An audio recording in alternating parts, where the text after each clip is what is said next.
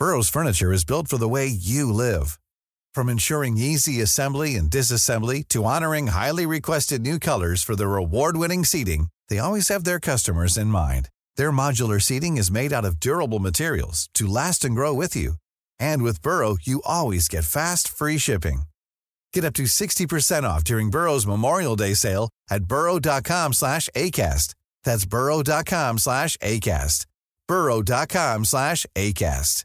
Planning for your next trip? Elevate your travel style with Quince. Quince has all the jet-setting essentials you'll want for your next getaway, like European linen, premium luggage options, buttery soft Italian leather bags, and so much more. And it's all priced at 50 to 80% less than similar brands. Plus, Quince only works with factories that use safe and ethical manufacturing practices. Pack your bags with high-quality essentials you'll be wearing for vacations to come with Quince. Go to quince.com slash trip for free shipping and 365-day returns. Millions of people have lost weight with personalized plans from Noom, like Evan, who can't stand salads and still lost 50 pounds. Salads, generally, for most people, are the easy button, right? For me, that wasn't an option. I never really was a salad guy. That's just not who I am. But Noom worked for me. Get your personalized plan today at Noom.com. Real Noom user compensated to provide their story. In four weeks, the typical Noom user can expect to lose one to two pounds per week. Individual results may vary.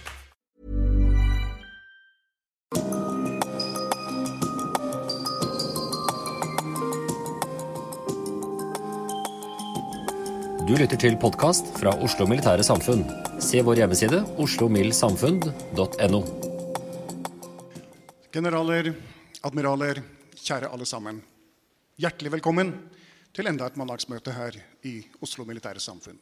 Landforsvarets størrelse og struktur, og dermed de eh, oppgaver det må kunne forventes å løse, det er jo en av de problemstillingene som eh, alle forsvarsvenner følger med på og er eh, opptatt av og har sine meninger om i disse dager. Nå vet jeg at sjefen for Hæren har et forferdelig travelt program, så jeg skal ikke bruke ett minutt mer av det som ellers kunne blitt taletid og diskusjonstid med deg, eh, sjef Hæren. Så generalmajor Odin Johannessen, talerstolen er din.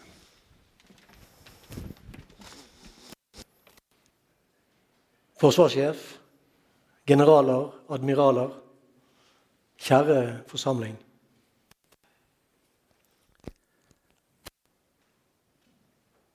Det er eh, alvor nå.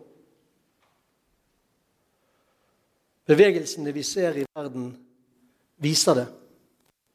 Personer med innsikt sier det. Våre folkevalgte vet det. Spørsmålet er hva gjør vi?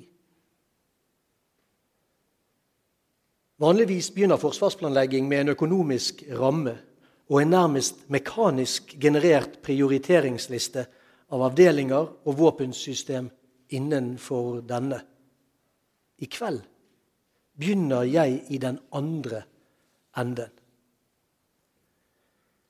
Vi trenger et mer bevisst forhold til hvorfor vi skal bruke pengene.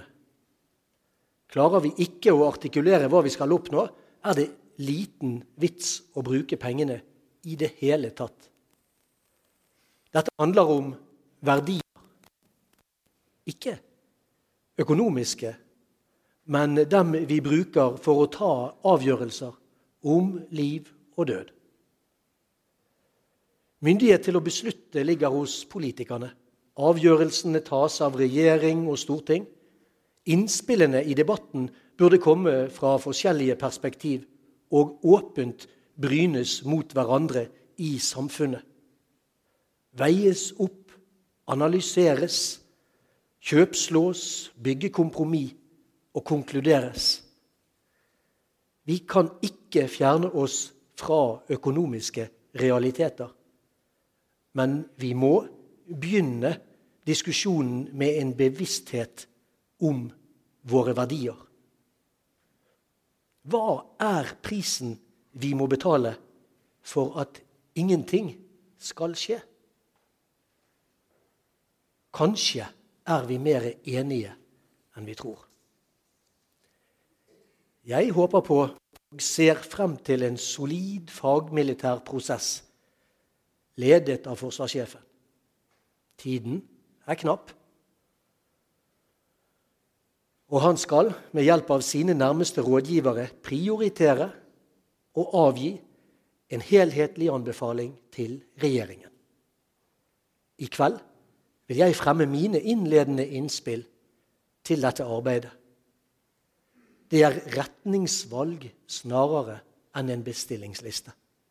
Ambisjoner innenfor nødvendige og realistiske rammer.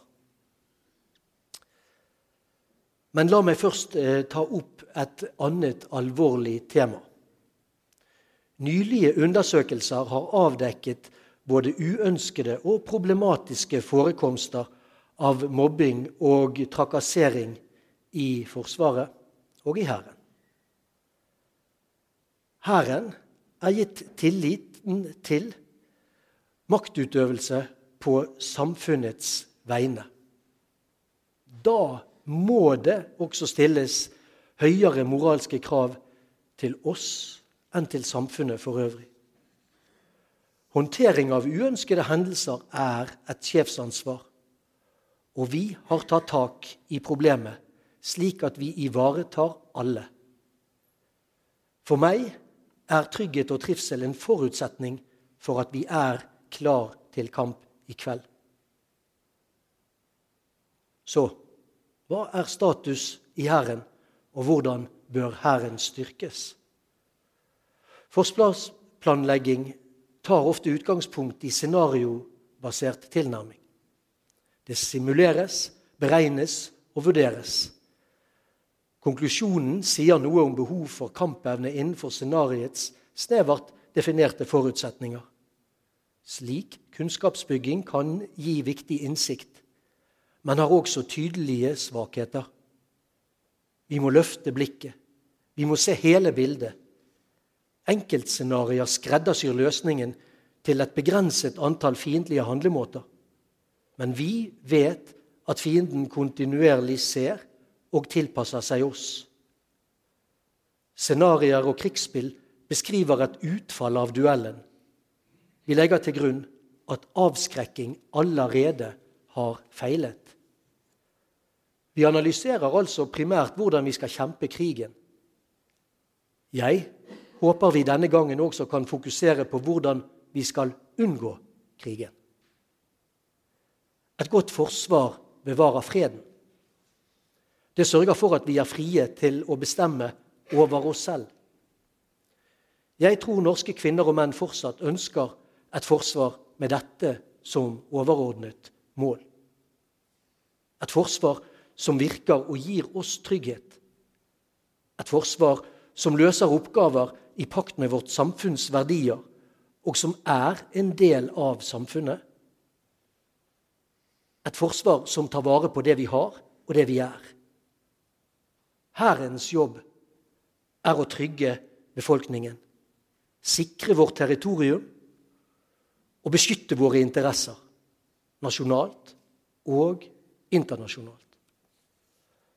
I hvor stor grad Forsvaret er i stand til å løse disse oppgavene, henger tett sammen med hvor stor grad av politisk handlingsrom vi har som nasjon. Det går en direkte linje fra dette ønsket om uavhengighet og ned til innretningen av Forsvaret. Forsvaret er de harde og spisse verktøyene i vår myndigheters verktøykasse. Hvis man kun har en hammer, begynner fort alle problemer å se ut som spiker. Verktøyene våre avgjør både hvilke problem vi kan løse, og hvordan vi kan håndtere disse utfordringene. Ikke bare det. Hvilke verktøy vi har, og hvordan vi kan bruke dem, påvirker også i stor grad hvordan potensielle motstandere og allierte vurderer oss. Er vi i stand til å håndtere oppgavene, vil våre allierte stole på oss og våre motstandere respekterer oss. Både venner og fiender vurderer oss og tilpasser seg. En intelligent motstander vil gi oss problemer vi ikke har verktøy til å håndtere. Da vinner de. En venn vil hjelpe en venn som gjør sitt. Da vinner vi. Som en småstat i en utfordrende geopolitisk posisjon er Norge uløselig bundet av forholdet til våre naboer og avhengigheten av allierte. Lokaliseringen vår gjør oss til en attraktiv samarbeidspartner. Vi er strategisk interessante og har ressurser som har plassert oss blant verdens rikeste. Det er en styrke. Men det er også en svakhet. En svakhet fordi rikdommen og den strategisk viktige posisjonen plasserer oss under press. Det er noe å vinne på å utfordre oss. Vi har mye å tape. Ressursene vi har fått, kunne vært ødslet bort. Det er de ikke. Takket være fremsynte og kloke politiske valg er Norge en av svært få nasjoner som har lykkes med forvaltningen av enorme naturressurser. Jeg tror ikke at det er tilfeldig. Vi er et fritt land. Vi tror på likeverd og åpenhet. Vi tror på mennesker. Hans Majestet Kongen har sagt sitat, Norge er fremfor alt mennesker. Nordmenn er nordlendinger, trøndere, sørlendinger og folk fra alle de andre regionene. Nordmenn har også innvandret fra Afghanistan, Pakistan og Polen, Sverige, Somalia og Syria. Mitt største håp for Norge er at vi skal klare å ta vare på hverandre at vi skal bygge dette landet videre på tillit, fellesskap og raushet. At vi skal kjenne at vi, på tross av all vår ulikhet, er ett folk. At Norge er ett. Sitat slutt. Norge er også en del av verden. For å vite hvor vi vil, bør vi kjenne til hvor vi kommer fra. Historikeren Yuval Harari legger til grunn et bredt perspektiv når han forklarer vår nyere historie. Hvordan vi vurderer rett og galt, og hvordan vi ser mot framtiden. Som Hans Majestet Kongen plasserer Harari mennesket, humanismen, i sentrum av et moderne verdisyn. Vi har ikke alltid tenkt på denne måten. Jeg vil nå gjengi tre utviklingsnivå Harari bruker når han forklarer menneskets tilnærming til kunnskap. I middelalderens Europa og tidligere kom autoritet og innsikt fra høyere makter. Helligere skrifter var Guds direkte meddelelse til menneskene om hvordan de skulle leve. Kunnskap ble bygget etter formelen kunnskap er lik hellige skrifter, ganget med logikk. Hvis man ville vite svaret på et vanskelig spørsmål, brukte man sin egen logikk kombinert med studier av hellige skrifter. Bibelen var en absolutt autoritet som ga svar på alt man ikke visste. Forståelsen av kunnskap fikk mennesker som søkte lærdom, til å bruke tid i kloster, der de fokuserte på å skjerpe sin logikk og evne til tolkning av religiøse tekster. Dette ledet til den vitenskapelige revolusjon med en radikalt annen tilnærming til kunnskap. Kunnskap er lik empiriske data ganget matematikk. Svaret på alle spørsmål finnes ved å samle relevante empiriske observasjoner og bruke matematiske verktøy for å analysere det. Formen på jordkloden fant man ved å observere solen og planetene og regne på bevegelsene. Vi fikk fantastiske gjennombrudd i astronomi, fysikk, medisin og en rekke andre disipliner men det hadde én betydelig nedside. Vitenskapen kunne ikke svare på spørsmål om verdier eller gi oss en høyere mening. Der middelalderens skriftlærde munker med absolutt sikkerhet kunne svare på at man ikke skulle drepe eller begjære sin nestes eiendom, kan ikke vitenskapsmenn gi oss noen slik sikkerhet. Menneskene overlever ikke uten matematikken eller fysikken. Samfunnene deres overlever ikke uten verdier om hva som er rett, og hva som er galt. Dersom vi setter menneskene i sentrum, åpner det seg et annet alternativ for å tilegne oss etisk kunnskap og innsikt. Kunnskap er lik erfaringer ganget oppmerksomhet. Hvis vi vil ha svar på etiske spørsmål, søker vi basert på erfaringer. Matematikkens og fysikkens presisjon er en del av disse erfaringene. Men erfaringene er ikke bare objektive data. Det er også sanseinntrykk, følelser og tanker. Oppmerksomhet betyr at vi må være mer åpne for nye erfaringer og ta konsekvensene av disse. Vi må justere kurs underveis og tilpasse oss omstendighetene basert på erfaringer vi gjør oss. Å sette mennesket i sentrum for å finne verdiene som leder oss, gir oss et enormt ansvar. Men det setter også etter min mening det er etter, også etter min mening den beste måten å søke svar på. Verden har siden siste verdenskrig vært preget av sterke internasjonale institusjoner. Det faktum at Norge har kunnet forvalte vår oljeformue på, denne måten, på den måten vi har ønsket, og at vi har det gode samfunn vi har i dag, har vært avhengig av at vi har fått lov til det. I en regelbasert, stort sett liberal, demokratisk verdensordning. FN, Nato, EU, Verdens handelsorganisasjon, Verdensbanken med flere.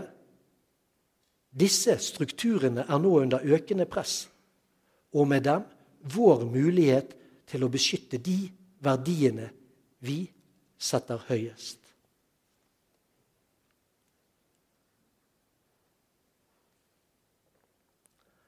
For forsvaret vårt i utvidet forstand er organisert i tre linjer. Den første linjen er internasjonal lov og rett. Så lenge disse respekteres globalt, er vår sikkerhet, våre rettigheter og interesser generelt sett ivaretatt. Det betyr at vi også må støtte de institusjonene som bidrar til dette. Andre linje er vårt eget forsvar. Gjennom vår egen evne til å håndtere kriser og krig forsterker vi samtidig også første linje. Denne egne evnen er også forutsetningen for tredje linje, vår alliansetilknytning gjennom Nato-medlemskapet. Norges sikkerhet er uløselig knyttet til Nato. For oss er det ingen alternativ. Samtidig står sammenlignbare naboer utenfor. Internt i alliansen spriker fokuset. Er det et stadig mer selvhevdende Russland som er viktigst? Eller er det terror fra Midtøsten og Afrika? Er det migrasjon over Middelhavet? Eller er det USA som prioriterer Asia fremfor Europa? Jeg tror det er alt. Og Nato må kunne håndtere alt. Dette er vanskelig, og spesielt hvis viljen til å møte allianseforpliktelsene svikter hos flere medlemsland, Norge inkludert. Avstanden til de ulike utfordringer påvirker synet på hva som er viktigst eller farligst. Men det endrer ikke summen av utfordringer som Nato skal kunne håndtere for sine medlemsland. Kan vi fortsatt stole på Nato? Mitt svar er ja men ikke betingelsesløst. Vi må være i stand til å levere det alliansen forventer, både hjemme og ute. Vi må oppfylle de vilkår som kreves for at Nato skal fungere etter intensjonen. Vi må ikke være naive. Det er en rekke utfordringer vi kan bli stilt overfor som ikke er alliansens vedkommende. Og en hel del som vil befinne seg i grenseland. Vi har ikke råd til å overlate verken det som ikke angår alliansen, eller det som bare kanskje gjør det, til tilfeldighetene. Vi må planlegge helhetlig og ha fleksibilitet til å møte hele spekteret av utfordringer. Det er dette som er et domenebalansert forsvar. Forsvaret vi trenger. Vi må selvstendig kunne møte sikkerhetsutfordringer i alle domener. Dette er vi forpliktet til i henhold til Natos artikkel 3. Det krever egen forsvarsevne til lands, til sjøs og i luften. Så vil ikke dette være tilstrekkelig i møte med en militær stormakt. Men robust evne til å gjennomføre selvstendige fellesoperasjoner er et minimum som også kreves for å kunne anmode Nato om militær støtte i henhold til Atlanterhavspaktens artikkel 5. Samfunnet må løfte sammen, og Forsvaret må virke i hele konfliktspekteret. Vi må forsvare oss til vi får hjelp av Nato. Vi kan verken kreve eller forvente at noen andre forsvarer det vi ikke forsvarer selv.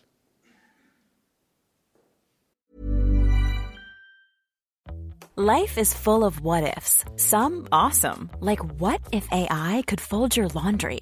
And some, well, less awesome, like what if you have unexpected medical costs? United Healthcare can help get you covered with Health Protector Guard fixed indemnity insurance plans. They supplement your primary plan to help you manage out of pocket costs. No deductibles, no enrollment periods, and especially no more what ifs. Visit uh1.com to find the Health Protector Guard plan for you. There's never been a faster or easier way to start your weight loss journey than with PlushCare. PlushCare accepts most insurance plans and gives you online access to board-certified physicians who can prescribe FDA-approved weight loss medications like Wigovi and Zepbound for those who qualify. Take charge of your health and speak with a board-certified physician about a weight loss plan that's right for you. Get started today at plushcare.com slash weight loss. That's plushcare.com slash weight loss. plushcare.com slash weight loss.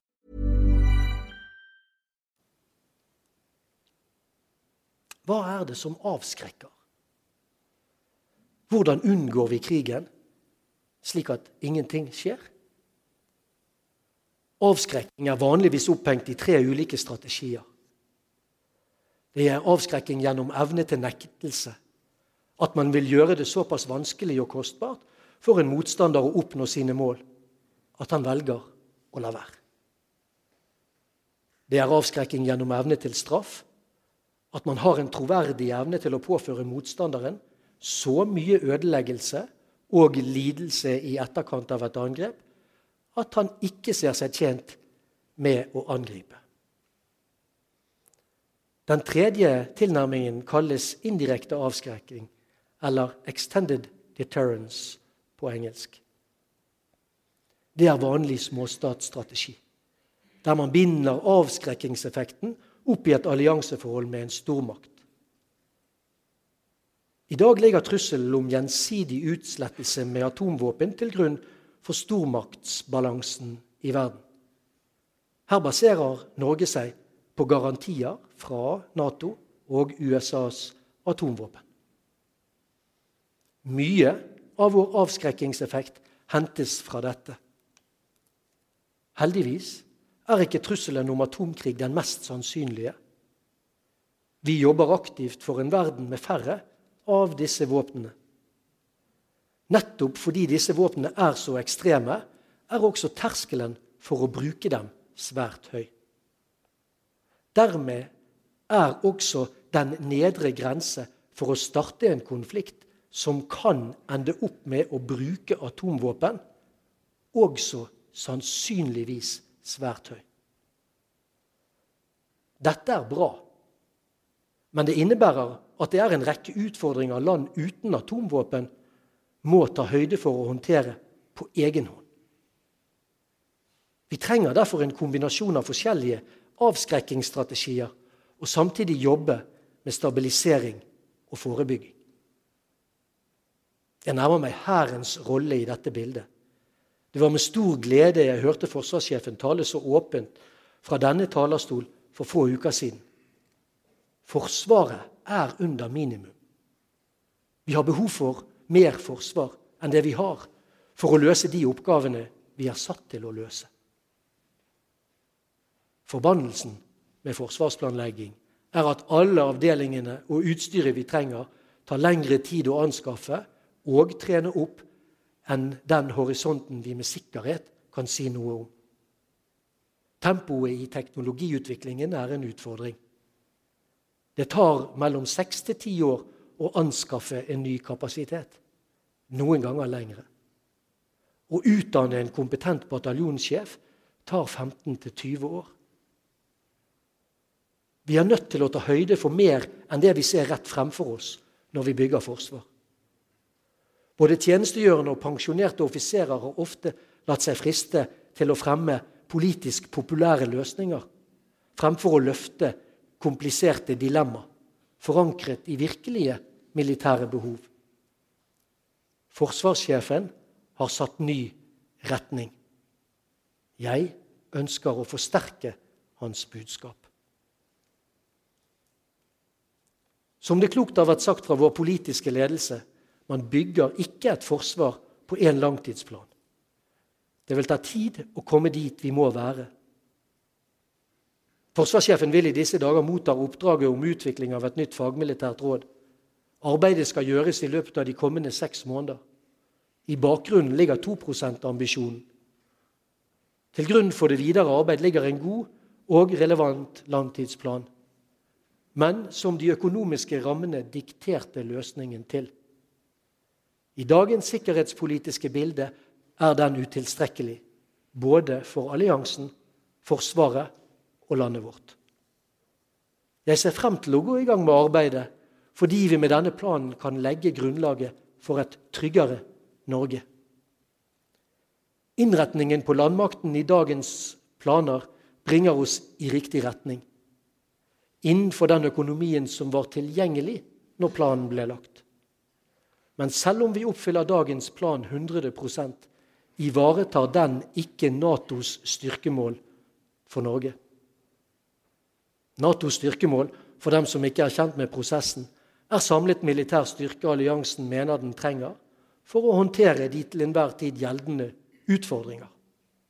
Styrkemålene handler om hva man trenger for å forsvare hele alliansen.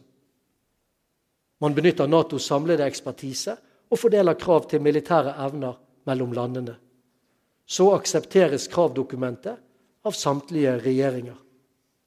Dette er konkrete krav til kapabiliteter og kapasitet sett ut ifra militære behov. Den går ikke på økonomi i forhold til BNP.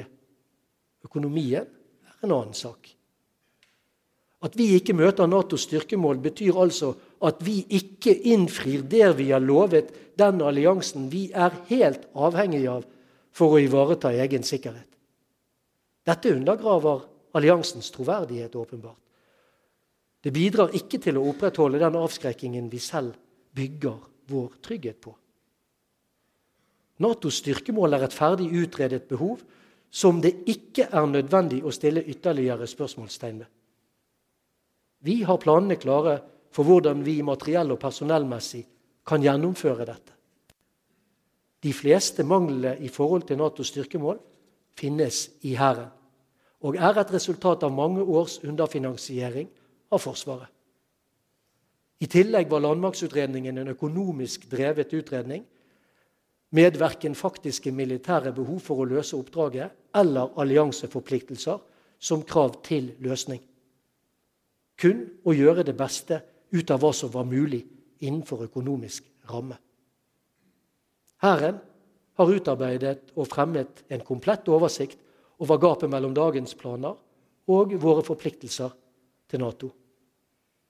Jeg vil ikke gå i detalj på disse her i dag, men flere av manglene er godt kjent og omfatter både kapabiliteter og kapasitet. Natos styrkemål ivaretar heller ikke Norges sikkerhetsbehov alene. Dette betyr at vi må minst håndtere styrkemålet og i tillegg ha evne til å håndtere ting som ikke faller inn under det alliansen vil ta hånd om. Det er en ubalanse mellom de delene av Forsvaret som ble vedtatt i Prop. 151 S, og den landmakten som ble vedtatt i 2 S. Det gjør at norsk forsvarsevne halter hvis vi må operere alene. Svakhetene har blitt tydeligere gjennom revisjonen av Nasjonalt operativt planverk. Ubalansen forsterkes ytterligere ved at viktige langtidsplantiltak er skjøvet meget langt ut i tid, til etter 2030. Derfor vil den skisserte strukturen ikke kunne håndtere stadig kortere varslingstider, i motsetning til både uttalte ambisjoner og utviklingen i trusselbildet. Ut ifra en erkjennelse av disse faktorene bør vi fra mitt ståsted fokusere på 1. Å sikre vårt nasjonale handlingsrom. 2.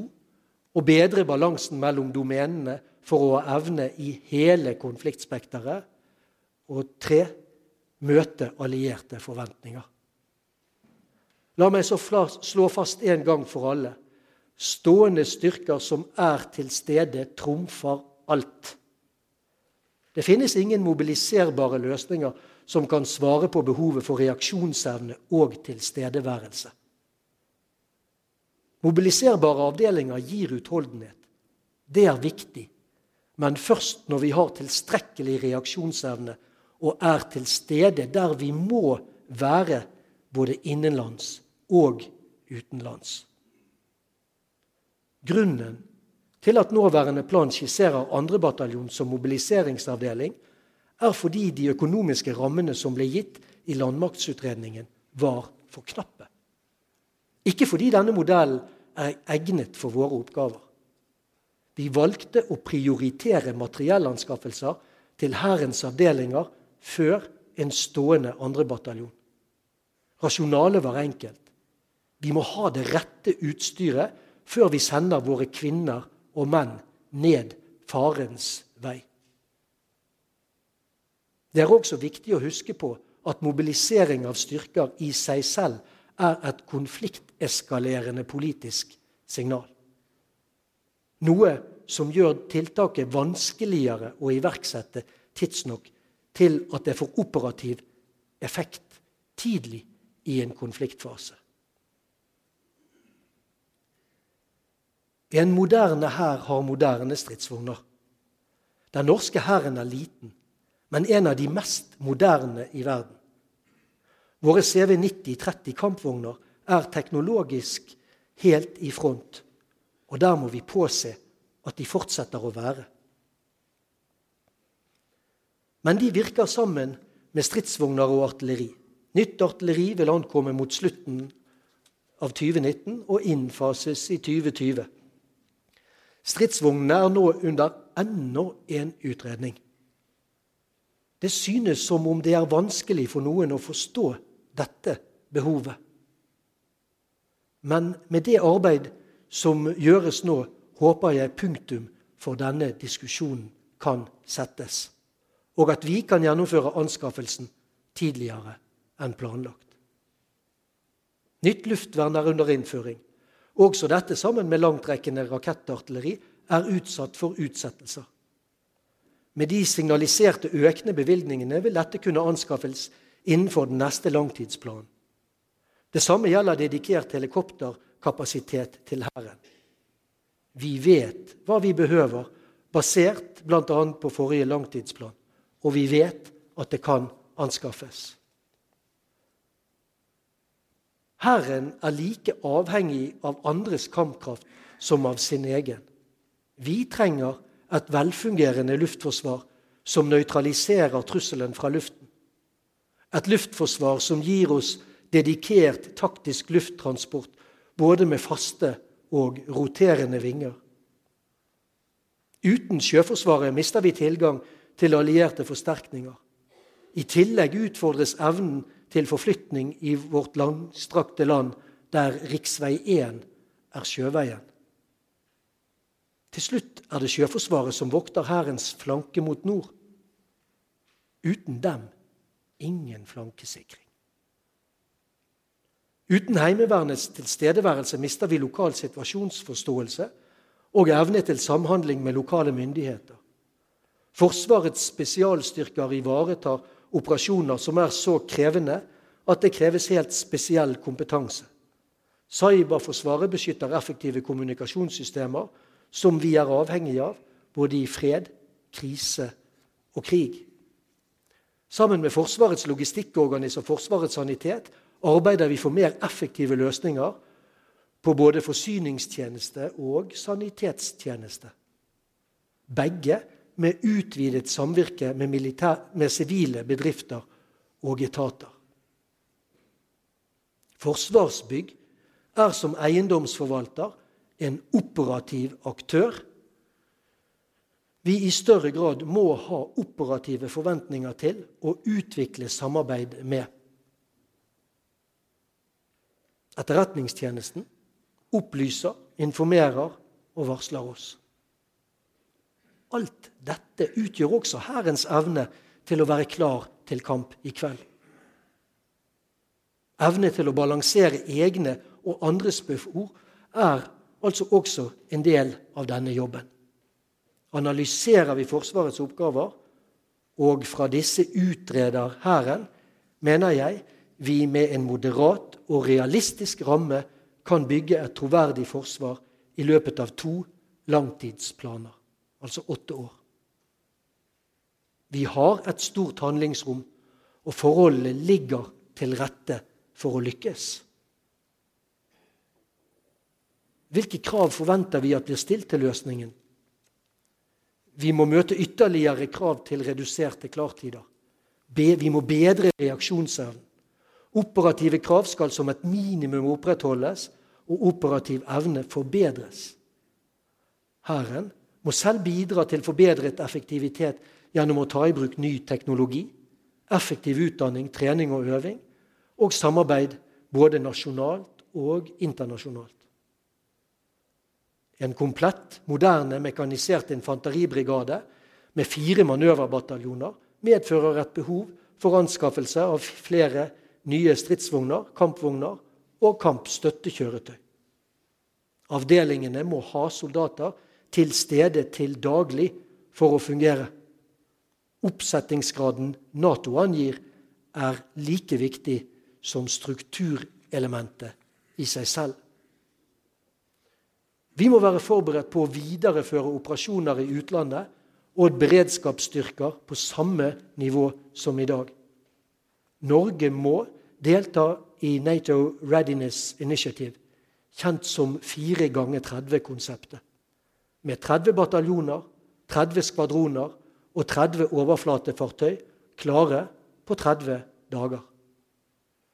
Vi bør stille med minimum én bataljon i tillegg til den bataljonen vi allerede har forpliktet i Natos Very High Readiness Joint Task Force, VJTF forkortet. Våre kontinuerlige oppdrag med vakthold på grensen mot Russland og kongevakt vil videreføres som i dag. Det samme vil bidra til nye og pågående FN- og Nato-operasjoner. I en krevende internasjonal sikkerhetssituasjon må vi bidra til andres sikkerhet. Det øker sannsynligheten for at andre vil bidra til vår. Innen utgangen av neste planperiode, altså før 2024, må oppbyggingen av Finnmark landforsvar fullføres. Vi trenger en fullt oppsatt bataljon i Porsanger, i tillegg til et operativt jegerkompani ved grensevakten i Sør-Varanger. Vi behøver et tettere samarbeid med Heimevernet, Forsvarets spesialstyrker og Kystjegerkommandoen. Vi må løfte sterkere sammen med totalforsvaret. Den norske hæren skal være best på operasjoner i vårt klima og terreng. Vi skal vise veien for de utenlandske avdelingene som kommer vår vei for å trene nettopp på dette. Vi skal operere både samlet og spredt. Samlet i effekt, spredt i avstand mellom avdelingene. Avdelingene skal virke sammen i en nøye dirigert konsert med langtrekkende presisjonsild fra alle forsvarsgrener, støttet av elektroniske tiltak og mottiltak og elementer fra totalforsvaret. Vi må også være forberedt på å operere i et territorium der andre har tatt seg til rette. Selv om vi er små, kan vi være svært brysomme. Ingen som kommer for å ta seg til rette hos oss, skal oppleve at det ikke koster. Det er absolutt mulig å forsvare vår nordligste landsdel. Vi skal skape en dybde som gir allierte en realistisk sjanse til å komme oss til unnsetning. Vi skal avskrekke med tilstrekkelig kontroll i våre kjerneområder og allianseforsterket nektelse. Vi skal leve opp til forpliktelsene i Atlanterhavspakten. Slik vil vi bygge trygghet både eh, slik vil vi trygge både territoriet og befolkningen. Hæren er en hær for hele Norge, ikke bare de nordligste landsdeler, i fred, krise og krig. Vi må være til stede i prioriterte deler av landet når det trengs for å trygge befolkningen, våre verdier og våre interesser. For å klare det trenger vi en større hær. Vi trenger minst én brigade til. Hvordan den utrustes, vil være en del av det kommende arbeidet med et nytt fagmilitært råd. Noen kapasiteter ønsker jeg å trekke frem her som kritiske sett opp mot dagens mangefasetterte trusselbilde. Gitt trusselen fra langtrekkende missiler er det svært nærliggende å prioritere anskaffelsen av mer mobilt luftvern. Luftvern som kan flyttes der det trengs, når det trengs. Som kan øke beskyttelsen av byer og infrastruktur vi er spesielt avhengige av. Luftvern som er integrert i mobile hæravdelinger, som er egnet for operasjoner i bebygde områder. Videre tror jeg vi gjør klokt i å øke vår evne til å håndtere kjemiske, biologiske, radiologiske og kjernefysiske trusler. Skripal-saken i Storbritannia krevde over 13 000 timer arbeid og innsats fra flere hundre spesialiserte soldater for å sikre områdene stoffet kunne vært spredt. Hvor mye ville en slik hendelse ha krevd av oss? Har vi i det hele tatt det som trengs for å håndtere slikt? For ikke å snakke om noe tilsvarende i større omfang. Kanskje den mest samfunnsøkonomiske måten å håndtere slike trusler på er å gi oppgaven til Hæren, som tidligere har hatt disse kapasitetene. For å kunne være til stede hurtig i prioriterte områder må vi kunne forflytte oss hurtig, både på bakken og gjennom luften. Moderne landmakt forutsetter evne til vertikalt løft, altså en dedikert helikopterkapasitet. I tillegg til å realisere Brigade Nord som en del av Natos styrkemål, anbefaler jeg etableringen av en ny brigade. Dette er realistisk, moderat og tvingende nødvendig ambisjon for troverdig å kunne løse Forsvarets oppgaver. En brigade sør kan etableres med utgangspunkt på Østlandet og avdelinger som allerede er i landsdelen. Den burde innrettes på en måte som tar hensyn til geografien og behovene der, i tillegg til internasjonale oppgaver. Med den neste brigaden kan vi ha en hurtig reaksjonsstyrke i hver landsdel. Det er sør og øst i landet vårt at det store flertall av vårt folk befinner seg. Det er også her landet styres fra. Selv om kanskje bergensere og nordlendinger vil være uenige i det siste. To brigader, et forsterket Finnmark landforsvar, mer luftvern, langtrekkende presisjonsild, håndtering av kjemiske, biologiske, radiologiske og nukleære trusler, moderne utstyr og godt trente soldater. Med dette nærmer vi oss en troverdig evne til å håndtere de truslene vi ser konturene av. Trusler vi må være forberedt på å håndtere selv inntil forsterkninger er på plass Hæren vil da være på et nivå som gir militær mening og effekt sammen med Sjøforsvaret og Luftforsvaret. Verden er uforutsigbar, og vi kommer til å bli overrasket. Militærhistorikeren John Keegan hevder at forhåndskunnskap er ingen forsikring mot katastrofe. Selv ikke nær sanntidsetterretning er sann nok. Til syvende og sist er det fleksibel slagkraft som teller. Denne slagkraften som gir politikerne og nasjonen handlefrihet og overlevelsesevne. Dette er evnen som sikrer at vi kan forbli uavhengige og frie i en uforutsigbar tid. Til slutt vil jeg avslutte med å løfte frem vår viktigste ressurs soldatene våre. Vi trenger flere soldater som med moderne utstyr og godt øvet, som med moderne utstyr og godt øvet kan møte fienden i kveld. Det er de som møter fienden både ute og her hjemme når krigen kommer til oss. Vi som nasjon har et ansvar også overfor dem. For Hæren er mennesker. Sivile og militære. Spesialister og offiserer. Kvinner og menn.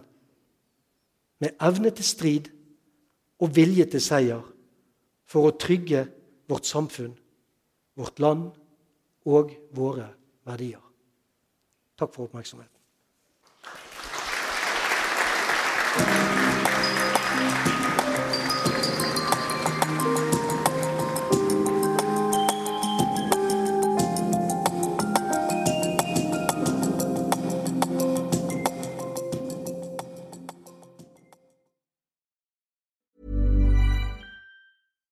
Deserves the best, and there's no better place to shop for Mother's Day than Whole Foods Market. They're your destination for unbeatable savings, from premium gifts to show-stopping flowers and irresistible desserts. Start by saving 33% with Prime on all body care and candles. Then get a 15-stem bunch of tulips for just $9.99 each with Prime. Round out Mom's menu with festive rosé, irresistible berry chantilly cake, and more special treats. Come celebrate Mother's Day at Whole Foods Market. Even on a budget, quality is non-negotiable. That's why Quince is the place to score high-end essentials at 50 to 80% less than similar brands. Get your hands on buttery soft cashmere sweaters from just 60 bucks, Italian leather jackets, and so much more. And the best part about Quince, they exclusively partner with factories committed to safe, ethical, and responsible manufacturing. Elevate your style without the elevated price tag with Quince. Go to quince.com slash upgrade for free shipping and 365-day returns.